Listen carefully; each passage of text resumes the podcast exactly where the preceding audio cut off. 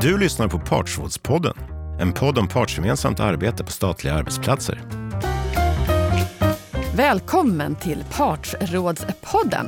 Idag ska vi få insyn i hur en myndighets innovations och utvecklingsarbete fått intern genomslagskraft genom att lokala parter gemensamt deltagit i ett innovationslabb. Jag heter Susanne Tillqvist och med mig som gäster idag är Anna Lövgren Bilteus, projektledare för arbetet med Socialstyrelsens strategi för att främja innovation i vård och omsorg och Karl-Erik Flodmark, facklig representant och vice ordförande för Saco-S, båda från den statliga myndigheten Socialstyrelsen. Kul att just du hittade hit. Nu kör vi!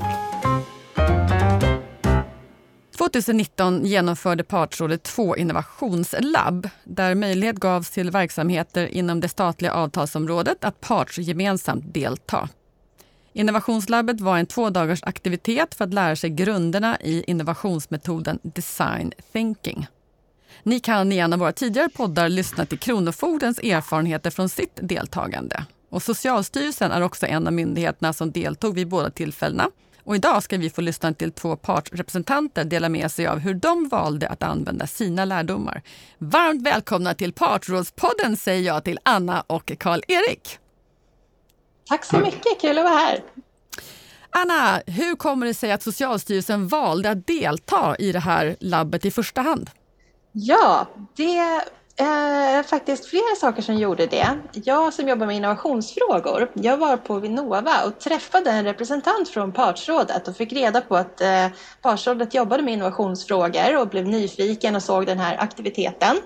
Och parallellt med det så hade du, Karl-Erik, eh, också fått reda på att det här var på gång. Du kanske vill berätta något om det?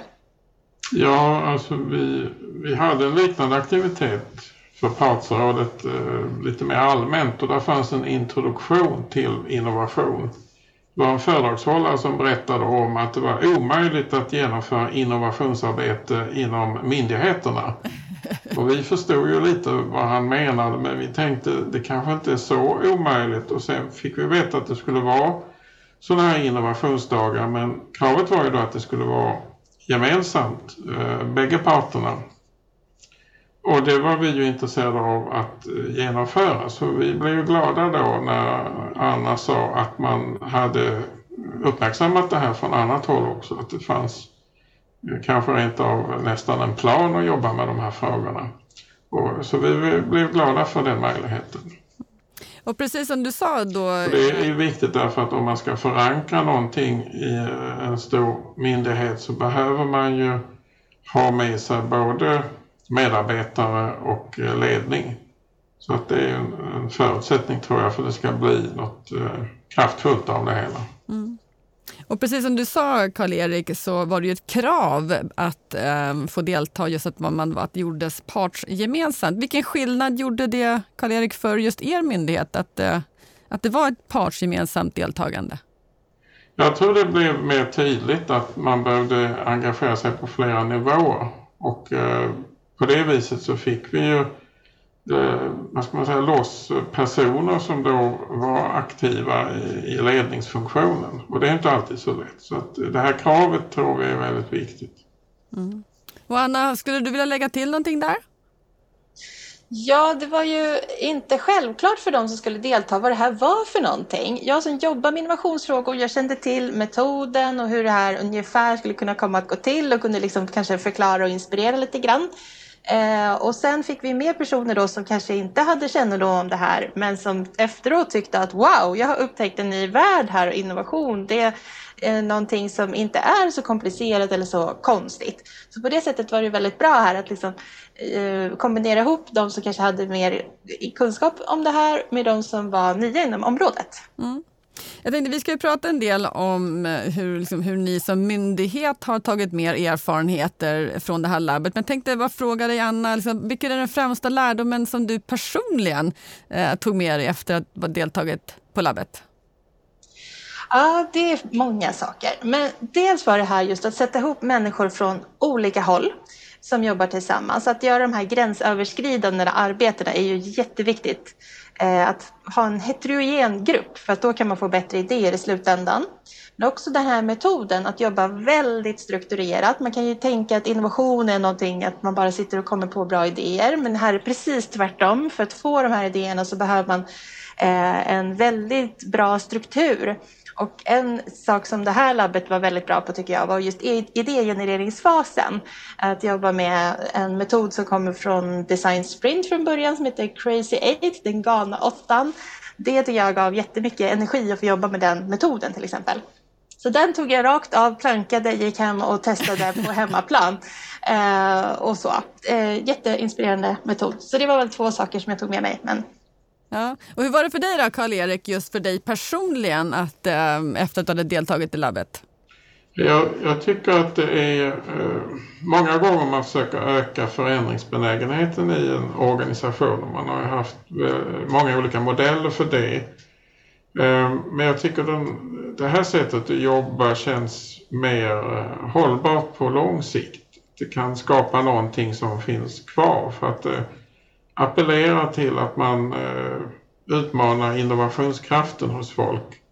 Och, och, den tror jag alltid finns. Eh, och även om man vill försöka få fram den i, i andra sådana här eh, ledningsmodeller eller utvecklingsmodeller så det är inte säkert att man når ända fram.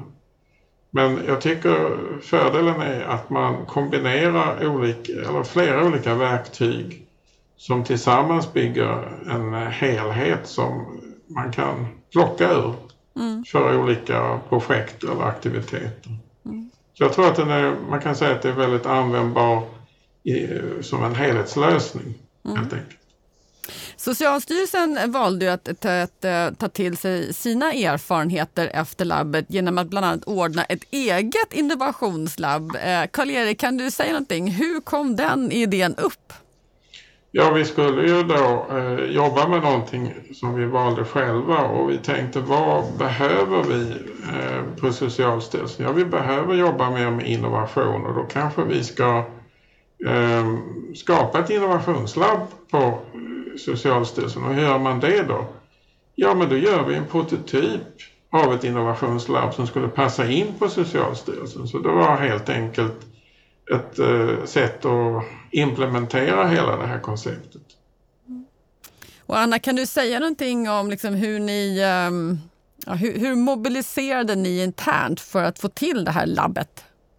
Ja, när vi kom hem från eh, Partsrådets innovationslabb så var vi ett gäng som var uppfyllda av den här idén. Vi hade bytt en prototyp i lego så vi hade testat på andra deltagare under labbet. Så att vi var ju ganska överens om vart vi ville någonstans. Och sen var det lite så här, men ska, kommer det här gå? Ska vi testa och så? Men vi gick och förankrade det här på olika håll och kanter i organisationen och föreslog konkret att vi vill ha det här samtidigt som eh, SKRs nationella innovationsvecka i oktober. Eh, och det här förslaget, eh, vi skrev ner det i ett litet PM och det godkändes av, av ledningsgruppen och GD då. Eh, så, och så kopplade vi in det till vår utmaning som vi gick in med i labbet som handlade om hur tar vi vara på medarbetares idéer i organisationen. Och att där fick vi lite lägre än på vissa andra eh, mått i en medarbetarenkät. Eh, så då kopplar vi in det. En lösning på det, att ta vara på medarbetares idéer, kan vara att jobba i form av labb. Eh, och eh, där någonstans fick vi accept på det och eh, körde igång redan då i oktober fast det här labbet var i maj. Så det tyckte jag var väldigt roligt att det kunde gå så snabbt. Ja, jag tänkte just det, liksom, Partsrådet använder ju liksom metoden design thinking. Använder ni samma metod också eller använder ni någon annan metod i ert labb? Nej, det vi gjorde, vi tyckte det var så bra struktur som jag nämnde på den här, äh, det här labbet som var en och en halv dag.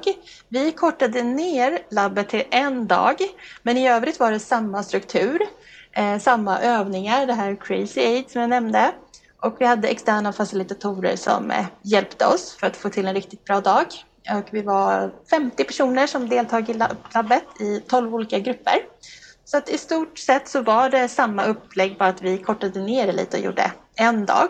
Men vi la ju in det här i en ram av innovationsveckan eh, med andra aktiviteter, workshops, temafika eh, och vi tog del av den nationella innovationsveckan så att vi fick liksom en, en inramning eh, av hela veckan som handlade om innovation. Men det här var ju veckans huvudpunkt. Då. Ja, ja, vad kul!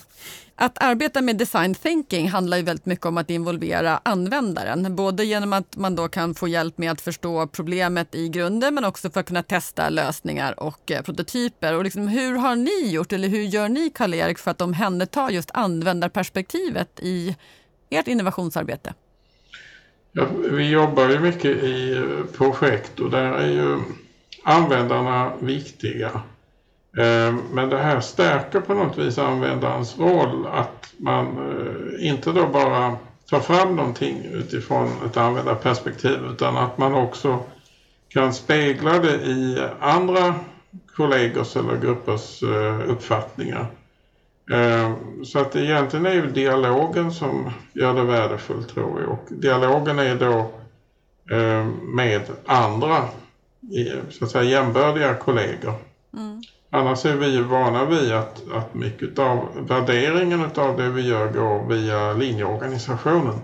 Men här gör man ju på ett annat sätt och det, det tror jag är värdefullt för att man ska få bättre förslag eller bättre utvecklingsidéer helt enkelt. Mm. Och Anna, vad kan man, så här, har, ni, har ni kommit fram till några så nya spännande lösningar som du kan dela med dig om? Ja, eh, jag tänker speciellt på en grupp som var med på vårt innovationslabb då i oktober. De jobbade med ett ämne som handlar om munhälsa och tandvård hos barn som är placerade. Och eh, de hade ett koncept som de jobbade med under det här innovationslabbet som handlar om att eh, göra ett tandbortkit och så här till barn. Men över tiden så har det här förändrats och snarare riktat sig till vem är det som läser och tar emot våra analyser, vår lite torrare statistik kanske. Vem är det som tar emot det? Och så har vi gjort ett användarundersökningsprojekt eh, kring det och labbat om man säger. Så att idag faktiskt så publicerar vi en ny rapport om munhälsa och tandvård hos placerade barn som har ett annat upplägg utifrån att vi har tänkt till på, på läsarens situation när man ska ta till sig den här statistiken till exempel. Så att, eh, vissa saker har ju förändrats också över, över tid. När man har lärt sig den här metoden så kanske man tillämpar det på ett annat sätt. Eh, vissa saker där har vi fortsatt bara ut, i en slags utforskningsfas med andra aktörer. Eh, och vissa saker har bara legat på is. Vissa saker är väldigt svåra att bara göra någonting med. Men där har vi fått mycket positivt att det var en rolig dag, man kände inspiration, man kände så här, jag fick vara kreativ en dag på jobbet och att det kanske man inte är varje dag, men en sån här dag så får man vara det. Så, så det var lite olika. Men det här har också sen inbakats i andra projekt. Så att vi har ju haft samarbetsprojekt med andra myndigheter eller bakat in det här i, ett, i något internt utvecklingsprojekt till exempel. Så, så jag tänker att det här är intressant eh, på det sättet att det, det väcker mycket tankar och idéer som man kan baka in i andra saker efter att man har fått pröva på det. Mm. Så det är kanske det som är den allra viktigaste delen, inte själva vad som kommer ut från just den dagen. Mm.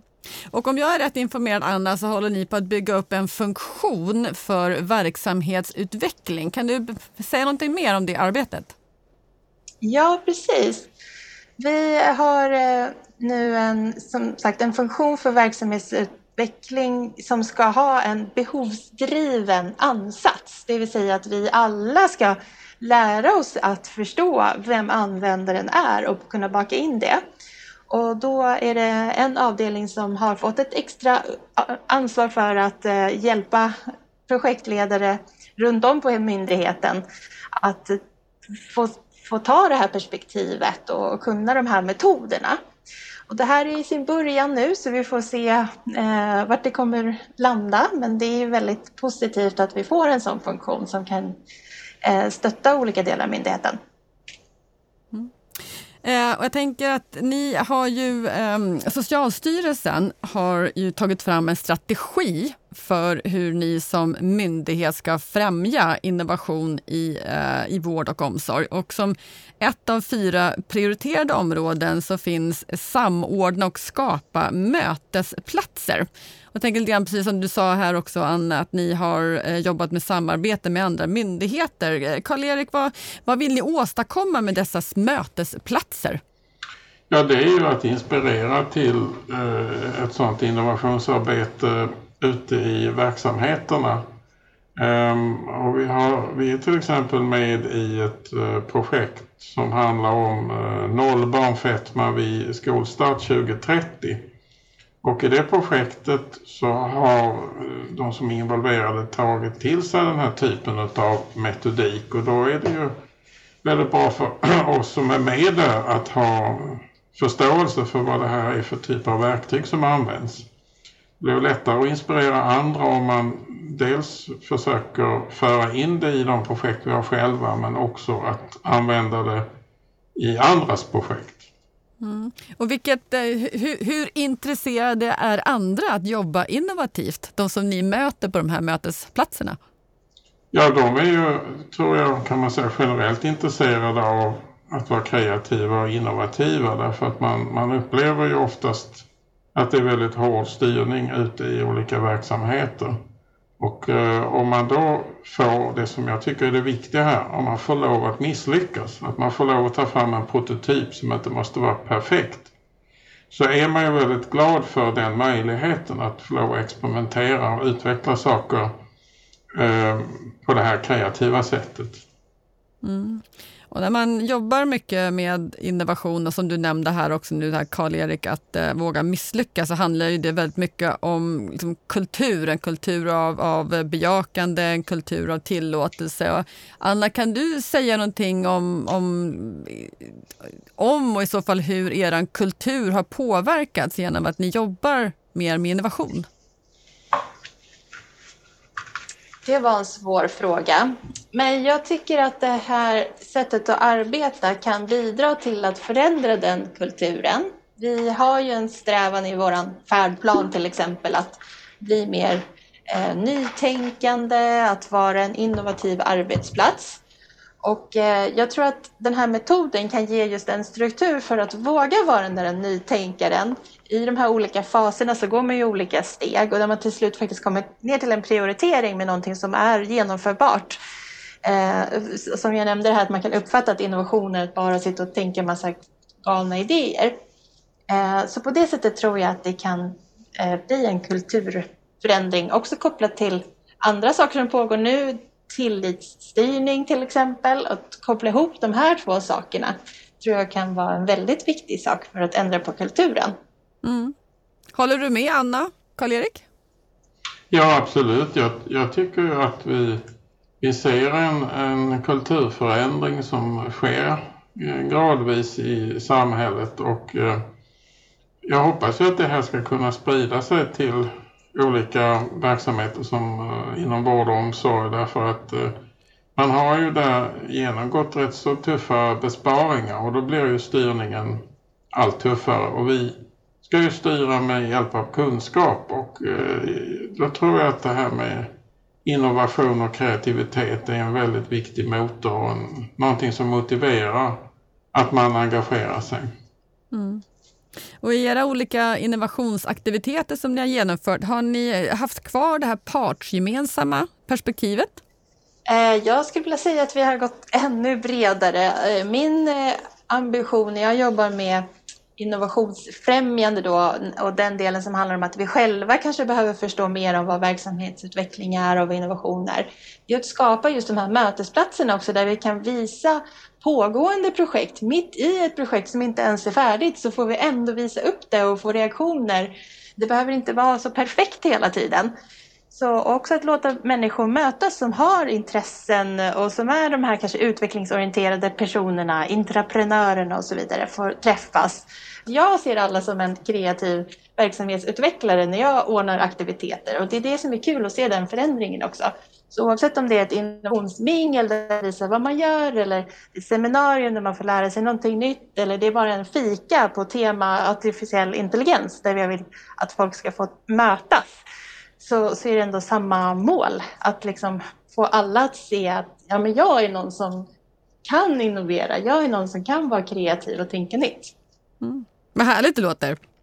Det talas ju ofta att eh, vi behöver öka innovationskraften i samhället i stort. Eh, Anna, går det att säga någonting om Socialstyrelsens innovationskraft? Ja, du nämnde den här strategin som vi har tagit fram. Det bygger på ett eh, regeringsuppdrag vi hade under några år att redovisa till regeringen vad vi gör för att främja innovation i vård och omsorg. Och där har vi ju försökt att forma den rollen lite grann. Om man tänker att vi ingår i ett system eh, där vi som en kunskapsmyndighet är en del och sen har vi finansiärerna och vi har de andra aktörerna runt omkring. Så tänker jag ändå att, att vi tar ett steg och försöker sätta in oss som någon som har med innovation att göra. Bara det steget är ett viktigt steg. För en del kanske har sett på oss som någon som snarare är en bromskloss. Medan nu kanske vi kan ses som någon som ändå är med och vill någonting här och vill delta i det här systemet på ett sätt som gör att hela systemet förändras åt ett positivt håll. Ja, så tänkte jag lite grann så här, vi, eh, vi sitter ju här i, eh, i november 2020 och spelar in den här eh, podcasten och eh, Socialstyrelsen, eh, liksom de flesta andra arbetsplatser, har ju som ett resultat av coronapandemin också behövt ställa om och bli digitala medarbetare, också en del av, av innovation tänker jag. Karl-Erik, kan du berätta något om era erfarenheter när det gäller hur det här har påverkat hur ni arbetar? Ja, det har ju haft en väldigt stor påverkan eftersom mycket av våra arbetsuppgifter, inte på något sätt allt, men rätt mycket kan ju då göras på distans. Och då behöver vi ju bra digitala verktyg. Um, och de behöver säkert utvecklas och bli bättre. Men det som har varit den stora utmaningen har ju egentligen varit att behålla någon typ av socialt sammanhang för en arbetsplats. Mm. Eh, och vi har ju då försökt ha, det är säkert många andra också, digital fika och vi har kanske mer enhetsmöten än tidigare. Så att vi på det viset håller kontakten. För vi har ju inte den vardagliga kontakten med arbetskamraterna längre. Eh, och det behöver ersättas med någonting. Och det, det tror jag är den stora utmaningen i den här digitala omställningen man måste på något vis ha en koppling till sina arbetskamrater och om man då till exempel är på arbetsplatsen mycket mer sällan så måste det också ha någon sorts struktur. Ehm, så när man väl är på plats att man kan träffa någon då i, i den mån det är tillåtet och lämpligt. Mm. Så här finns, här finns väldigt mycket att, att utveckla. Men vi har ju också provat på att ha sånt här digitalt eh, innovationsarbete. Det kan väl Anna berätta lite om? Ja, vi som sagt hade ju det första innovationsveckan på Socialstyrelsen 2019. 2020, vad skulle vi göra då när en pandemi eh, har ställt eh, till det för oss som jobbar med innovation på det sättet. Vi kan inte mötas i de här stora labben, vi kan inte sitta och idégenerera tillsammans hur gör vi det? Så att vi gjorde en digital version. Vi hade digitala innovationsmingel där man presenterade olika saker och kunde umgås i olika digitala rum. Vi hade också temafrukostar om idégenerering, temafrukostar om digitala möten. Eh, och sen hade vi digitala möten om att jobba med grafisk facilitering, vilket funkade otippat bra. Eh, alla fick sitta hemma och eh, träna på olika former och att, att jobba med grafisk facilitering. Och då behövde man inte visa upp det för någon, så det var nästan en fördel att vara hemma framför sin egen dator istället. Men det här tycker jag var jag... jätteintressant, Anna. Kan inte du berätta lite grann mer? Vad är grafisk facilitering för någonting? Ja, det är ju att eh, visualisera till exempel på en whiteboardtavla om det inte är en pandemi, eller på ett papper och scanna in Eh, rita streckgubbar, rita pilar, försöka förklara ett skeende eller en process eller någonting som händer med, med en visuell bild helt enkelt. Och det handlar inte om att göra ett konstverk utan att göra någonting som förklarar någonting som är komplicerat. Och eh, det här är ju väldigt bra förmåga att ha när man är till exempel i ett innovationslabb, att kunna visualisera en idé om, om framtiden som kanske är abstrakt. Och eh, det här har många tyckt var väldigt, väldigt roligt att göra. Det är roligt att sitta och rita. Eh, så vi tror att det här kan vara en, en pusselbit i att eh, jobba med innovation, men även jobba med möten. Det kan vara väldigt praktiskt på ett möte att kunna förklara någonting eh, fast med hjälp av en bild istället för att bara berätta. Mm. Jag tänker också det låter som en väldigt bra metod för att just um, visa på någonting som kanske är, är komplext, men att visa, hur, ja, visa det mindre komplext, göra, gör det enklare att förstå. Precis så, så i alla interna processer, i möten, i projekt så kan det vara väldigt effektivt. Eh, så vi har också jobbat med att försöka förstå hur våra egna bilder från Socialstyrelsen skulle kunna se ut. Hur ritar man ett kunskapsstöd? Hur ritar man en föreskrift och så vidare. De här abstrakta begreppen som vi ändå behöver kunna på något sätt förklara. Så det har vi också ägnat oss åt. Mm. Vad kul att höra att ni har fortsatt innovationsarbetet trots utmaningarna då som eh, corona eh, ger oss. Ja, där hade jag ett mantra redan i våras att ställ inte in, ställ om till digitalt. Vi ställde in väldigt mycket planerade aktiviteter för att man trodde inte att det här skulle pågå så länge heller och man hade inte riktigt den här förmågan att övergå till digitalt. Men nu är det ju det vi gör. Vi ställer om till digitalt hela tiden. Så det där tänker jag har satt sig lite nu under hösten. Mm. Jag tänker så här att ehm, eh, Partsrådspodden vänder sig i första hand till eh, lokala partsrepresentanter på statliga arbetsplatser. Och, eh, jag tyckte det var väldigt intressant att få höra vilka lärdomar när det gäller antingen innovationslabb eller innovationsarbete i stort som ni skulle vilja skicka vidare till lokala parter som lyssnar på den här podcasten. Anna, vill du börja? Ja, en lärdom som jag tar med mig av att driva sådana här projekt det är just vikten av att man är en grupp och där hela gruppen är med under hela resan av projektet. Att man inte liksom kommer och går i ett sånt här projekt. Därför att i början av projektet när man gör sin användarundersökning och försöker förstå sina mottagare av det man gör så får man en sån eh, speciell insikt och, och hela gruppen får som en gemensam insikt om det. Och därför är det så bra att alla är med hela vägen. Och att alla också är med och faktiskt träffar användare eller intervjuar användare eh, för att få den grundläggande insikten. Så att man inte har några som är intervjuexperter och, och några som ska hitta lösningarna. Det tycker jag är en sån här eh, grund. Och kopplat till då att man gör det här över gränserna, olika professioner eller olika avdelningar eller partsgemensamt som sagt. Mm. Tack! Och Karl-Erik, vilka medskick har du? Ja, jag tycker det är viktigt att man inte försöker konstruera någonting man ska jobba med utan man tar någonting ifrån den vardag där man själv är. Um, och det kan ju vara kanske också väldigt abstrakta saker som Anna var inne på. Till exempel en juridisk text, en föreskrift. Hur jobbar man med den i ett sånt här sammanhang? Men det är ju i princip på samma sätt. Det gäller bara att överföra verktygen och arbetssättet till den verklighet man själv sitter i. Och då har man ju, man ser ju direkt nyttan med det när man upptäcker att det här att prova, testa och snabbt komma fram till nya idéer och försöka sig på förändringar att det är väldigt fruktbart att jobba på det sättet. Man ser det ganska snabbt.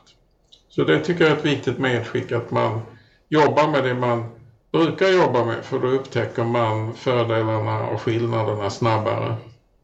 Det tycker jag var ett alldeles lysande sätt, Karl-Erik, att avsluta den här podden på. Så att eh, från mig säger jag tack så hemskt mycket för att ni deltog, Anna och Karl-Erik, och fortsatt lycka till med ert innovationsarbete på Socialstyrelsen. Tack själv, tack för att vi fick vara med. Ja, tack. Tack själv. Det är så roligt att höra från både Anna och Karl-Erik hur innovationsarbetet på Socialstyrelsen har tagit fart. Åtminstone delvis som ett resultat av att de partsgemensamt deltagit i en av Partsrådets aktiviteter, den här gången i form av ett innovationslabb. Det är ju precis så som vi på Partsrådet vill att det ska gå till. Det vill säga att lokala parter gemensamt tar sig an frågor för att sedan sprida det vidare i den egna verksamheten. Och Socialstyrelsen har tagit det ännu längre genom att också ordna mötesplatser och sätta upp projekt med andra verksamheter för att innovera, i deras fall, vård och omsorg i vårt land. En sak jag noterar när jag pratar med Anna och Karl-Erik det är att de i många delar talar samma språk när de talar om sitt innovationsarbete. De talar om användare, att testa, prototypa, samarbete etc. Och Det är något som många av våra andra gäster i Partsrådspodden också pratar om, nämligen vikten av att tala samma språk så att man förstår varandra. Jag tyckte det var särskilt intressant att lyssna till hur Socialstyrelsen ställt om sitt innovationsarbete genom att under året arrangera flera mindre digitala aktiviteter för att mobilisera verksamheten och även utbilda verksamheten. Ta till exempel det här som Anna nämnde om att man har kört digitala utbildningar i grafisk facilitering. Ett ämne och begrepp som var helt nytt för mig. Här finns det säkert mer för andra att hämta. Så är du intresserad av att lära dig mer från Socialstyrelsen, då tänker jag ta kontakt med Anna eller Karl-Erik. Jag är säker på att de mer än gärna delar med sig av vad de har lärt sig. Du har lyssnat på Partsrådspodden. Partsrådspodden är en podcast från Partsrådet, en ideell organisation som består av arbetsgivare och fack på central nivå inom staten. Tillsammans erbjuder vi verktyg för ett bättre arbetsliv, bättre lönebildning, bättre arbetsmiljö, bättre samverkan och bättre utveckling på statliga arbetsplatser. Vill du veta mer? Besök vår hemsida, partsradet.se.